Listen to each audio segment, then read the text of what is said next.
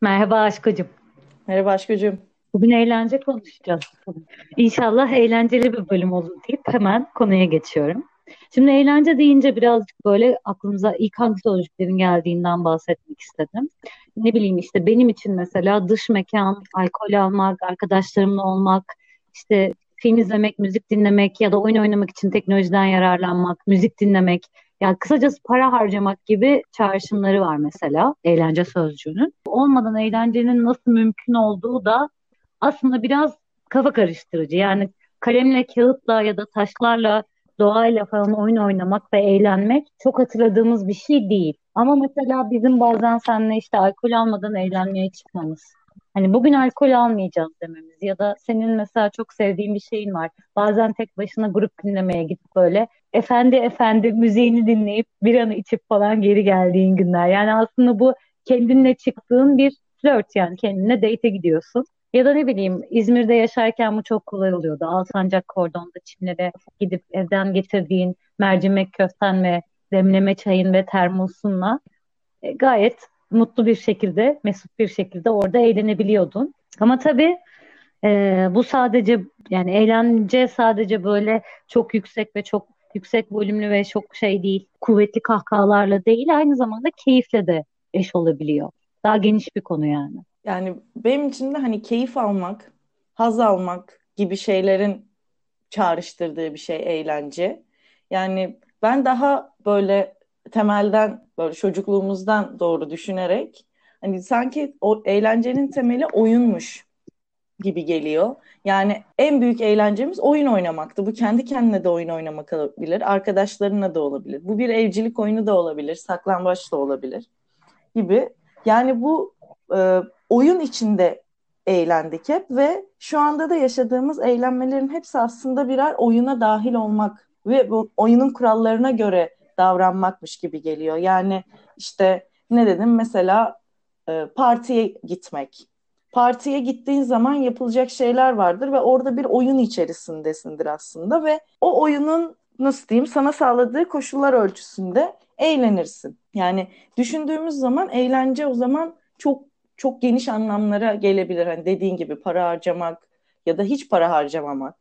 İşte fakirliğinden eğlenmek ya da işte zenginsen bir şeylere lüks bir şeyler alarak kendini tatmin etmeyle alakalı bir şeylerden eğlenmek diyeyim ya da keyif almak. Bunlar eğlence mi diye de ayrı bir soru tabii ki bunlar. Ama bence eğlenceyi biraz sınırlayarak başlayalım. Yani bizim nerelerde sınırladığımızı konuşalım. İşte bir güldürü üyesi olarak eğlence, eğlence mekanlarında güvende hissetmek ya da bu e, eğlencenin nasıl sömürüyü, işte ırkçılığı, cinsiyetçiliği kapadığı gibi konulardan bahsedelim. Ya, mesela o eğlence mekanlarında güvende hissetmek meselesi gerçekten dışarı çıkan, siset erkek olmayan, hemen herkesi bir şekilde ilgilendiren bir konu.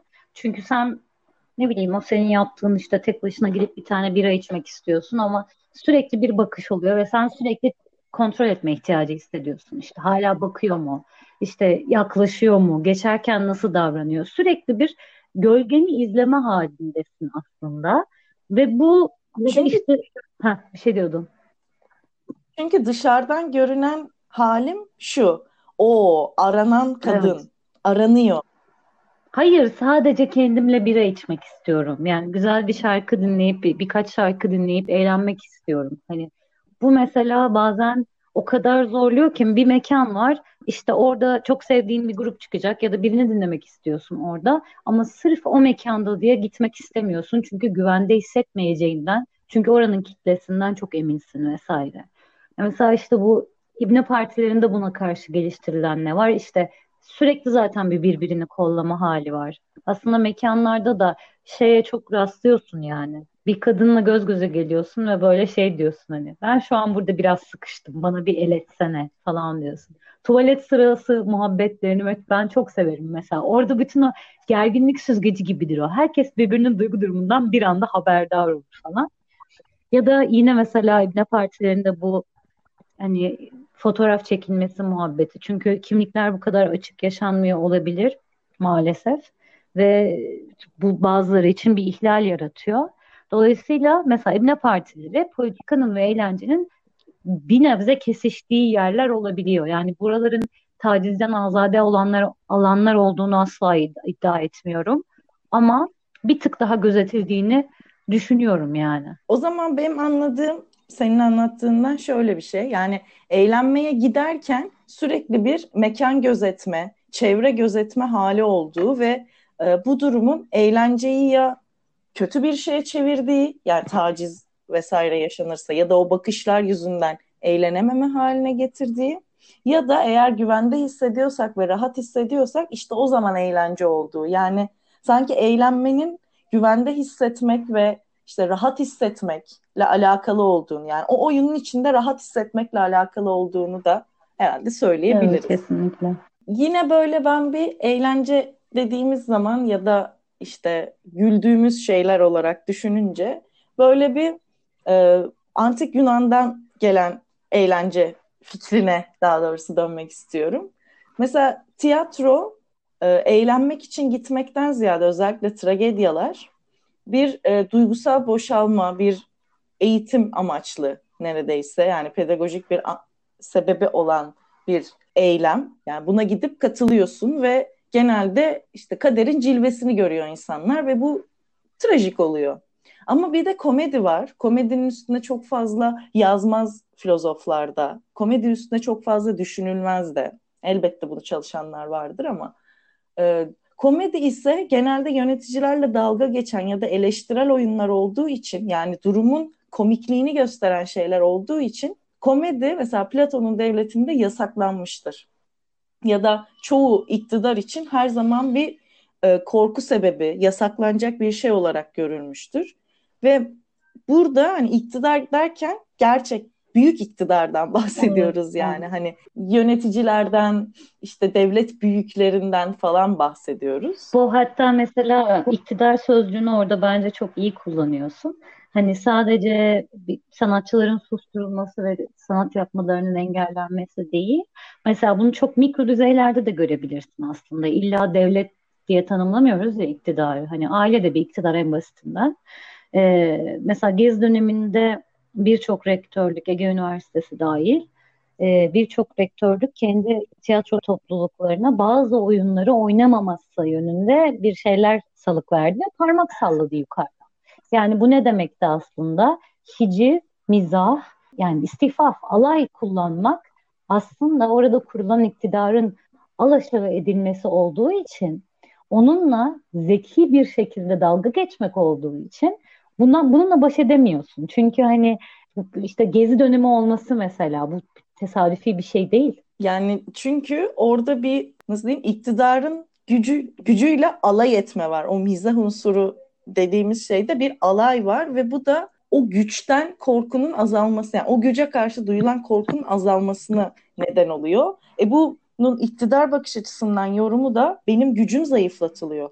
Yani ben onlara zor ve şiddet götüren bir el olarak nasıl oluyor da benimle bu şekilde dalga geçebiliyorlar, benimle ilgili komik söylemler oluşturuyorlar diye.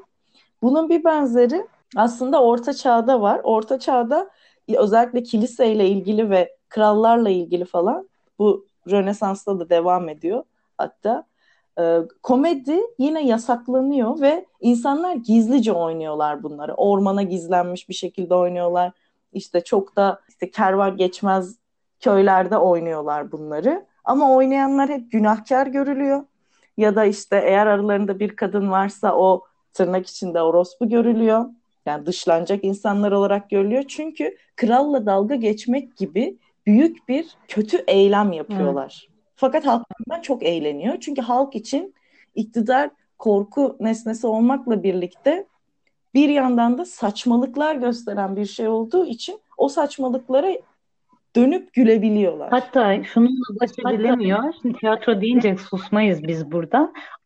Bununla baş edemeyince mesela kilise birazcık kendi eline alıp ipleri İncil'den pasajları oynamaya başlıyor. Çünkü bakıyor ki tiyatroyu yasaklayabiliyorum evet ama insanların tiyatro yapmasını durduramıyorum.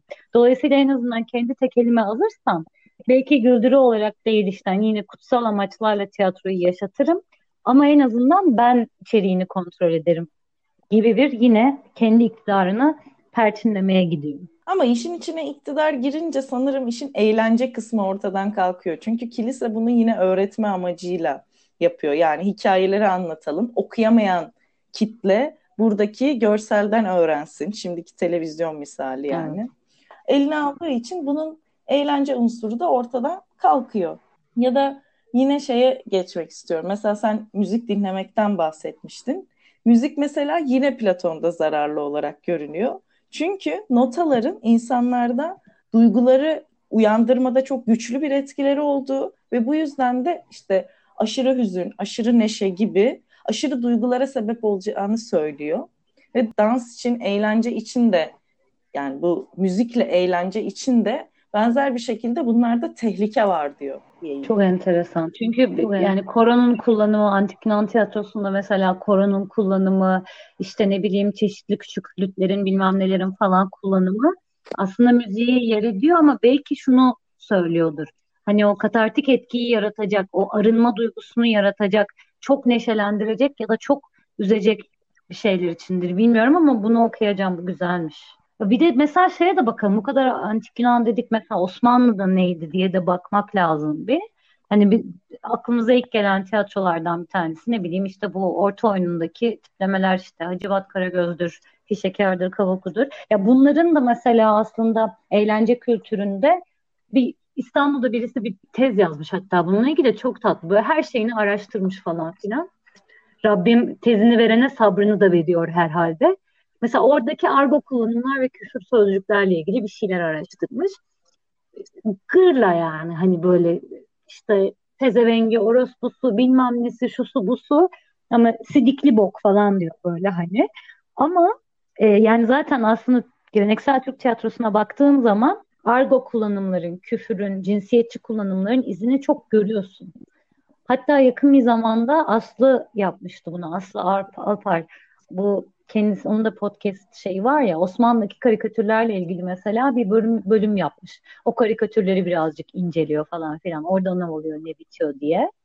Ee, ona da bir bakılabilir Pod, bence. Podcast'in adını da verelim. 5 dakikada karikatürdü. Burada hani hep böyle eskiden beri bir gelenek sanki şuymuş. Yani sanki şu diyeyim daha doğrusu. Hatta sankiyi bile silebilirim.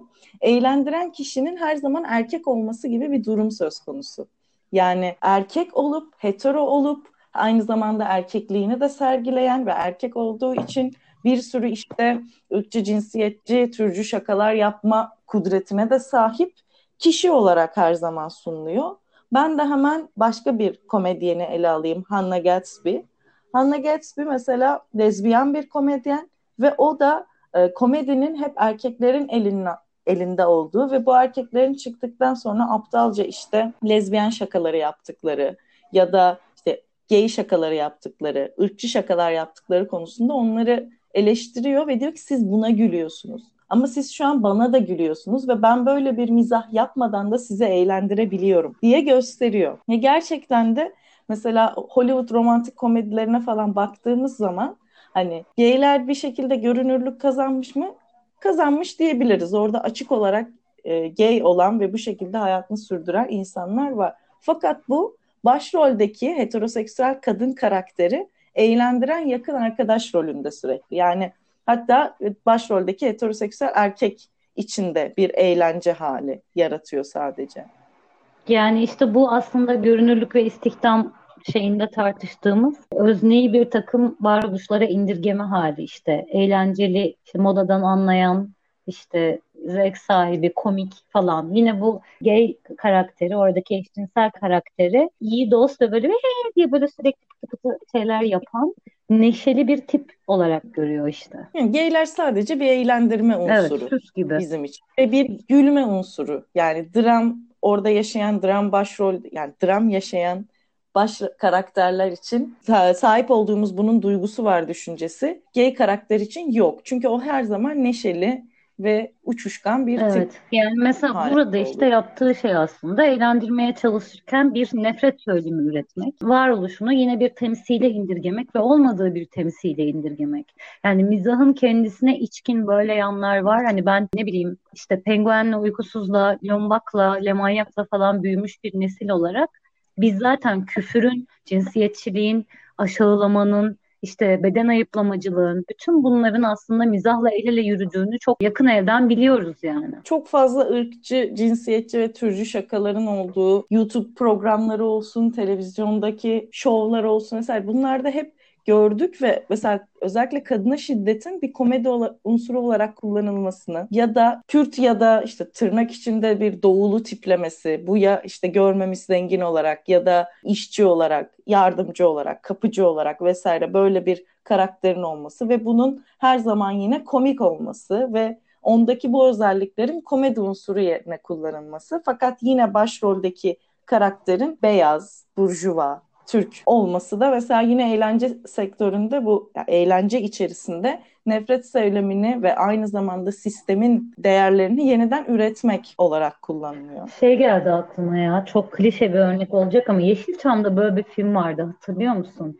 Yine böyle doğayan kadın oyunculardan bir tanesi. Gülşen Bubikoğlu olabilir. İlk hali böyle bayağı işte köyden gelmiş ne bileyim bir ağzı olan işte görgüsüz işte ne bileyim nasıl oturulur nasıl kalkılır nasıl yemek yenir bilmeyen birisi ve esas olana aşık oluyor ve esas olana yani esas olanın ilgisini çekmesi bir anda burjuvalaşması ve bilmem ne kıyafetler gibi ama kuzum falan diye konuşmasıyla başlıyor mesela. Burada ortaya koyduğun zaten ikilik direkt bir ırkçılık örneği, direkt bir sınıfsal, sınıfsal da bir ayrımcılık örneği aslında. Yani yine benim de aklıma gelen çok daha yakın bir örnek olarak işte bana davayla vurdu diye bir söyleme olan artık neydi onu bile hatırlamıyorum ama televizyonda bir gene teatral gösteriler yapan bir grubundu. Mesela burada aslında komik olan kadının şiddet görmesi miydi?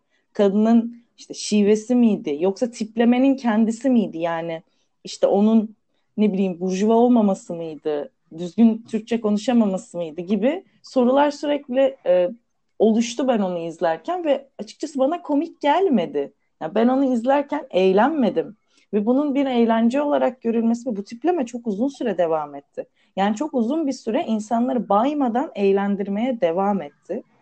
Fakat orada üretilen şeyi de görmezden gelinmesine sebep oldu. Yani görünmez kıldı onu. Ya işte mesela bence buradaki yani tiyatro üreten insanların da şunu görmesi lazım.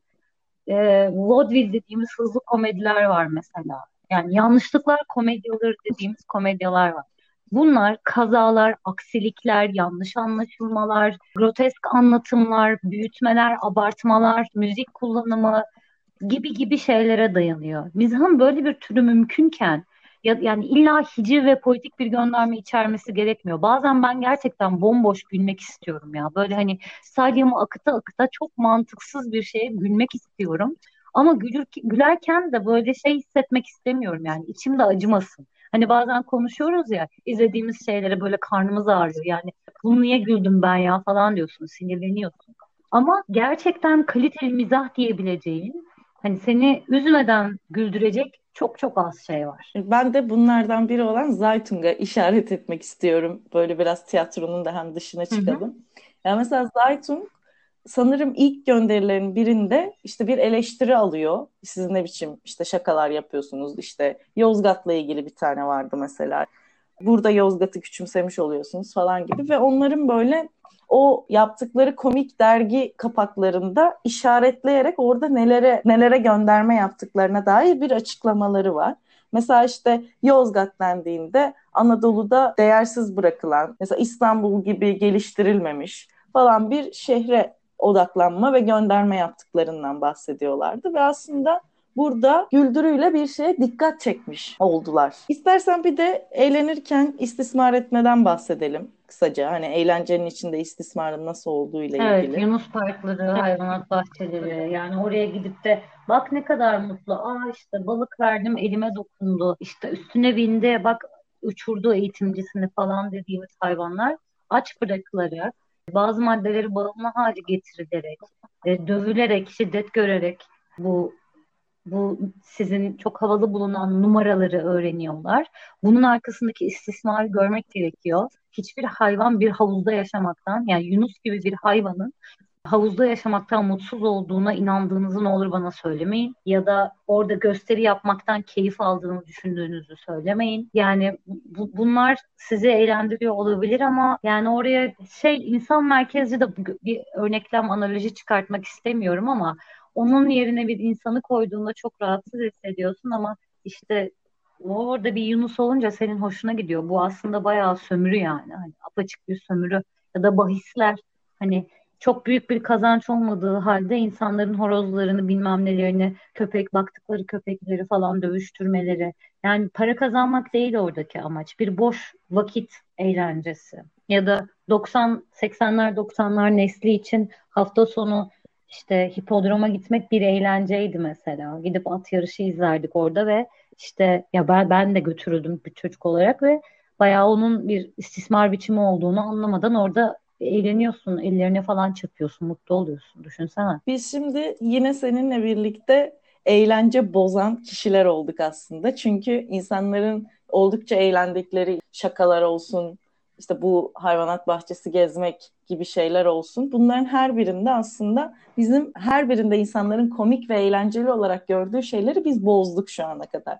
Ben burada Sara Ahmet'i anmak istiyorum. Çünkü onun Feminist Bir Yaşam Sürmek kitabında Oyun Bozan Feminist diye bir bölüm var. Ve orada tam da bizim yaptığımız şeyi anlatıyor aslında. Hani sistemdeki bu baskı unsurlarına karşı bir hayat kuruyorsanız ister istemez bu sizin gözünüze batıyor ve orada eğlenceyi bozuyorsunuz. Bu bilerek ve doğrudan yaptığınız bir şey değil. Evet şimdi bu eğlenceyi bozacağım diye gidip bozmak değil ya da gidip limon sıkmak değil. Ama orada yapılan şey daha çok istemsiz olarak o kendi sahip olduğunuz kültürü oraya dayan yani Keşke dayatsak. Dayatmak çok, çok güzel bence. Keşke dayatsak.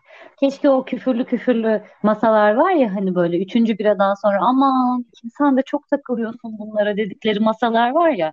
Keşke kendimizi oraya dayatabilsek yani. Çok güzel sözcük dayatmak. Biz de dayatalım evet. Yani feminist bir yaşamı dayatabilirsek zaten bizden şahanesi olmaz bence.